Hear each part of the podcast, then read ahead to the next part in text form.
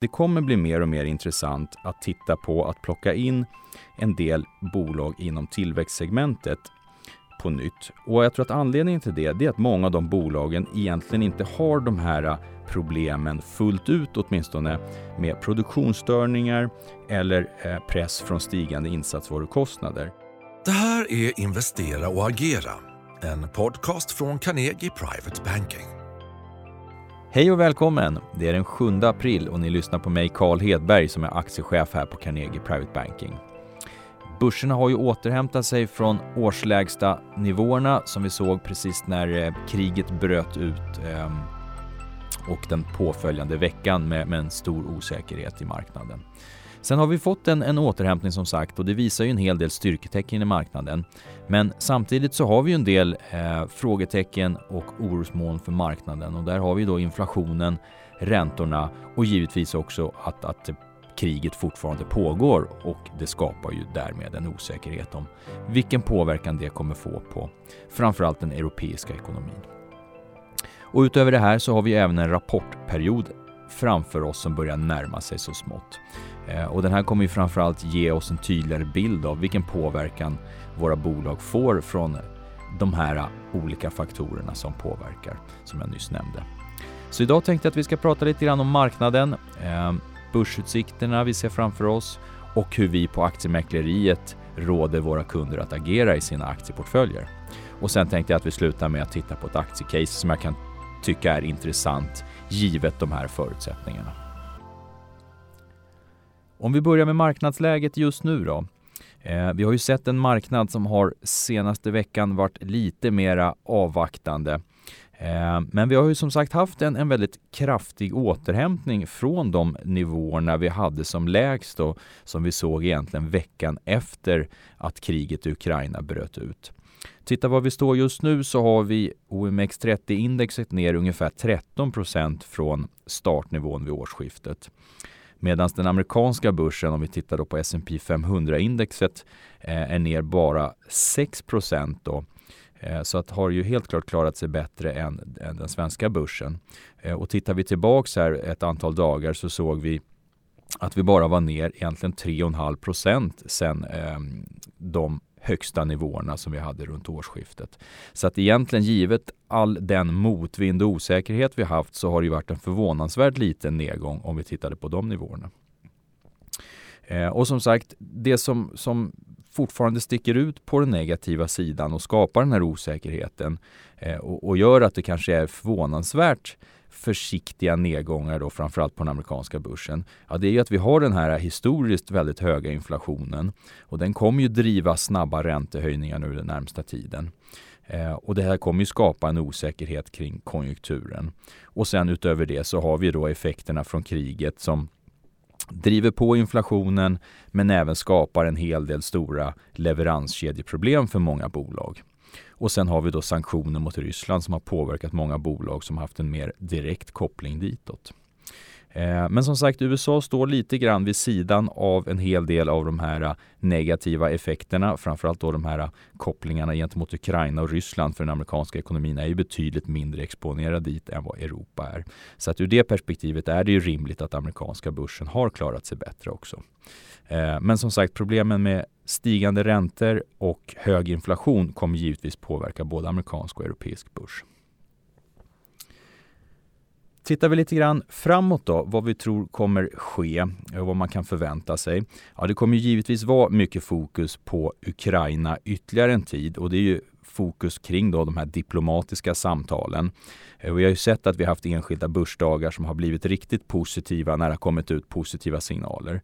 Eh, men det är väl sannolikt så att det är för tidigt att hoppas på att det ska komma någon slutgiltig lösning i det där. Och vi har sett att de här positiva dagarna har ju följts av, av försiktig utvecklare därefter. Då, att man tappar lite grann av de uppgångarna.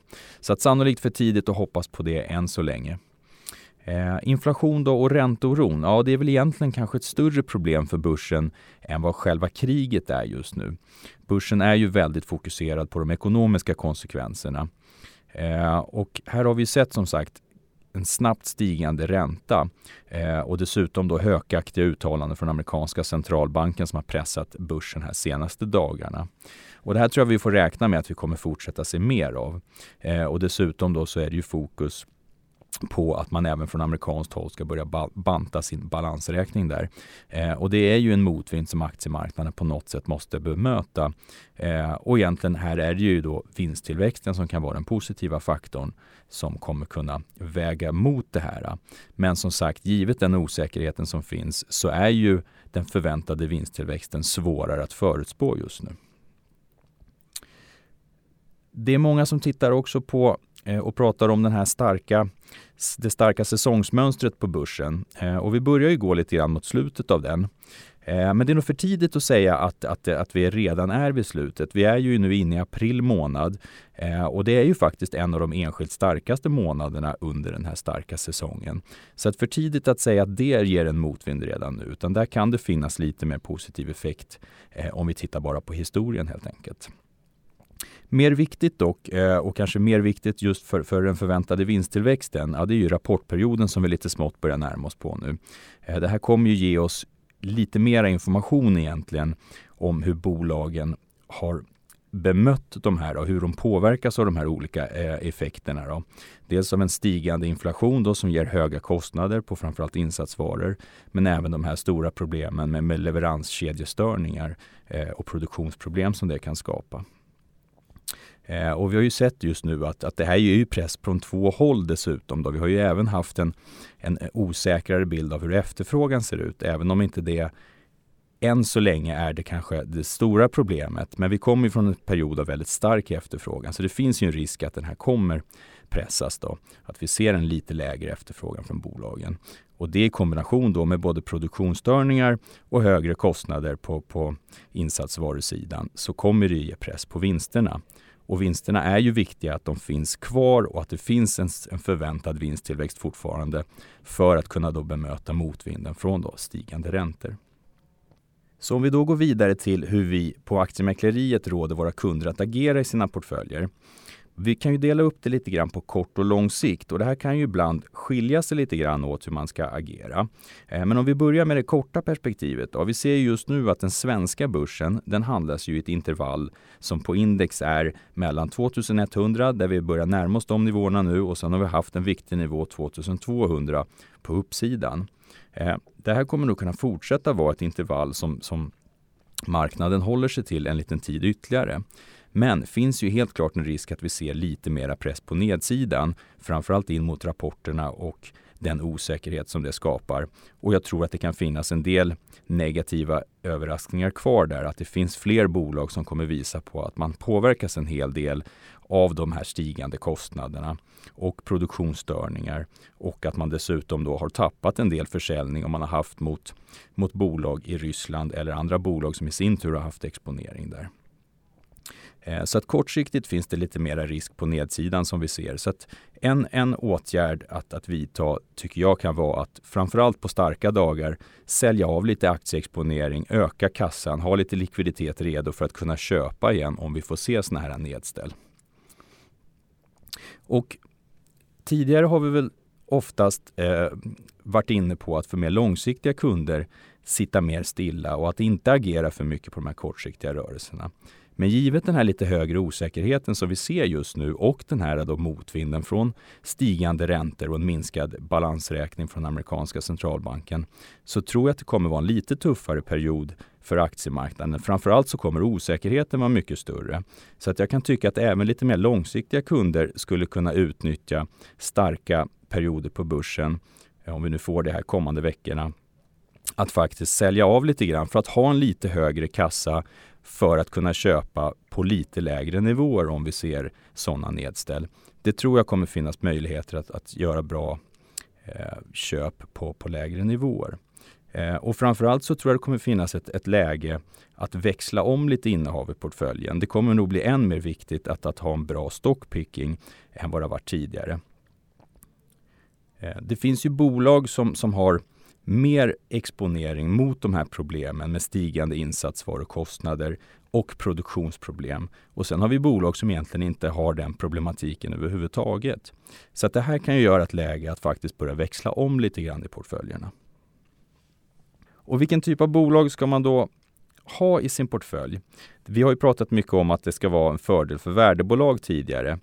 Och det tror jag fortfarande kommer gälla, men det kommer bli mer och mer intressant att titta på att plocka in en del bolag inom tillväxtsegmentet på nytt. Och jag tror att anledningen till det, det är att många av de bolagen egentligen inte har de här problemen fullt ut åtminstone med produktionsstörningar eller eh, press från stigande insatsvarukostnader. I många fall är det här mera mjukvarurelaterade bolag.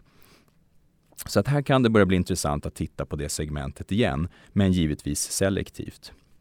Eh, sen finns det ju bolag då som, som kanske har mer av en ordinär produktion och försäljning, men som ändå har bra kvaliteter som gör att de inte kommer pressas vinstmässigt på grund av det här. Eh, ett sådant exempel tycker jag är Getinge. Eh, det här är ett bolag som levererar medicinteknisk utrustning och det är ju ingen konjunkturkänslig verksamhet så att efterfrågan kommer ju finnas kvar oavsett om vi går in i en svagare konjunktur. Eh, Getinge hade ju en väldigt stark period under pandemin när man sålde mycket respiratorer.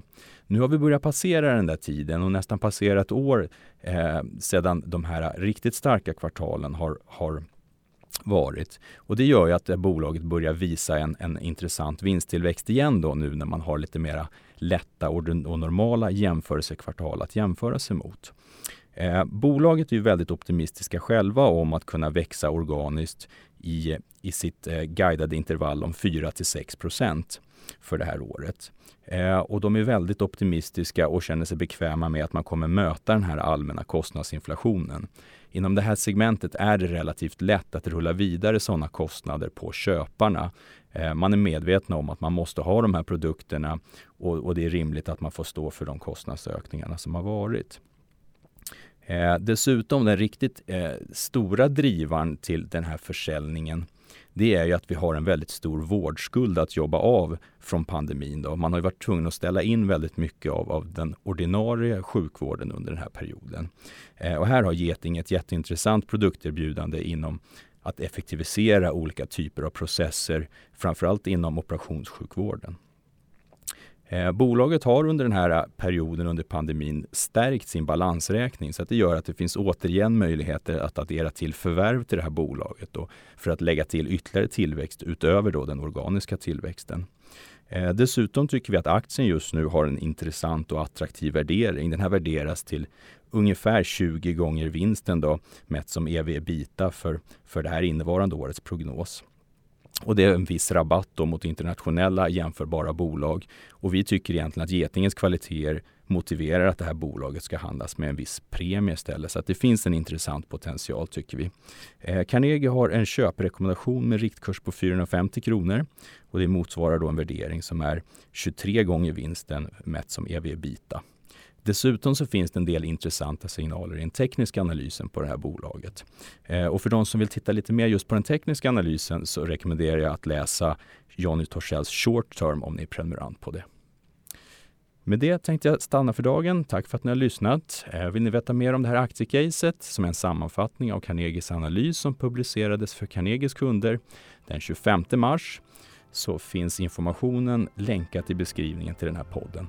Historik och underlag kan du få ut genom att mejla mar-information.carnegie.se. Tack så mycket! Är du intresserad av topprankad aktieanalys och unika investeringsmöjligheter? Gå då in på carnegie.se private banking och lär dig mer om vad du får som private banking-kund hos oss.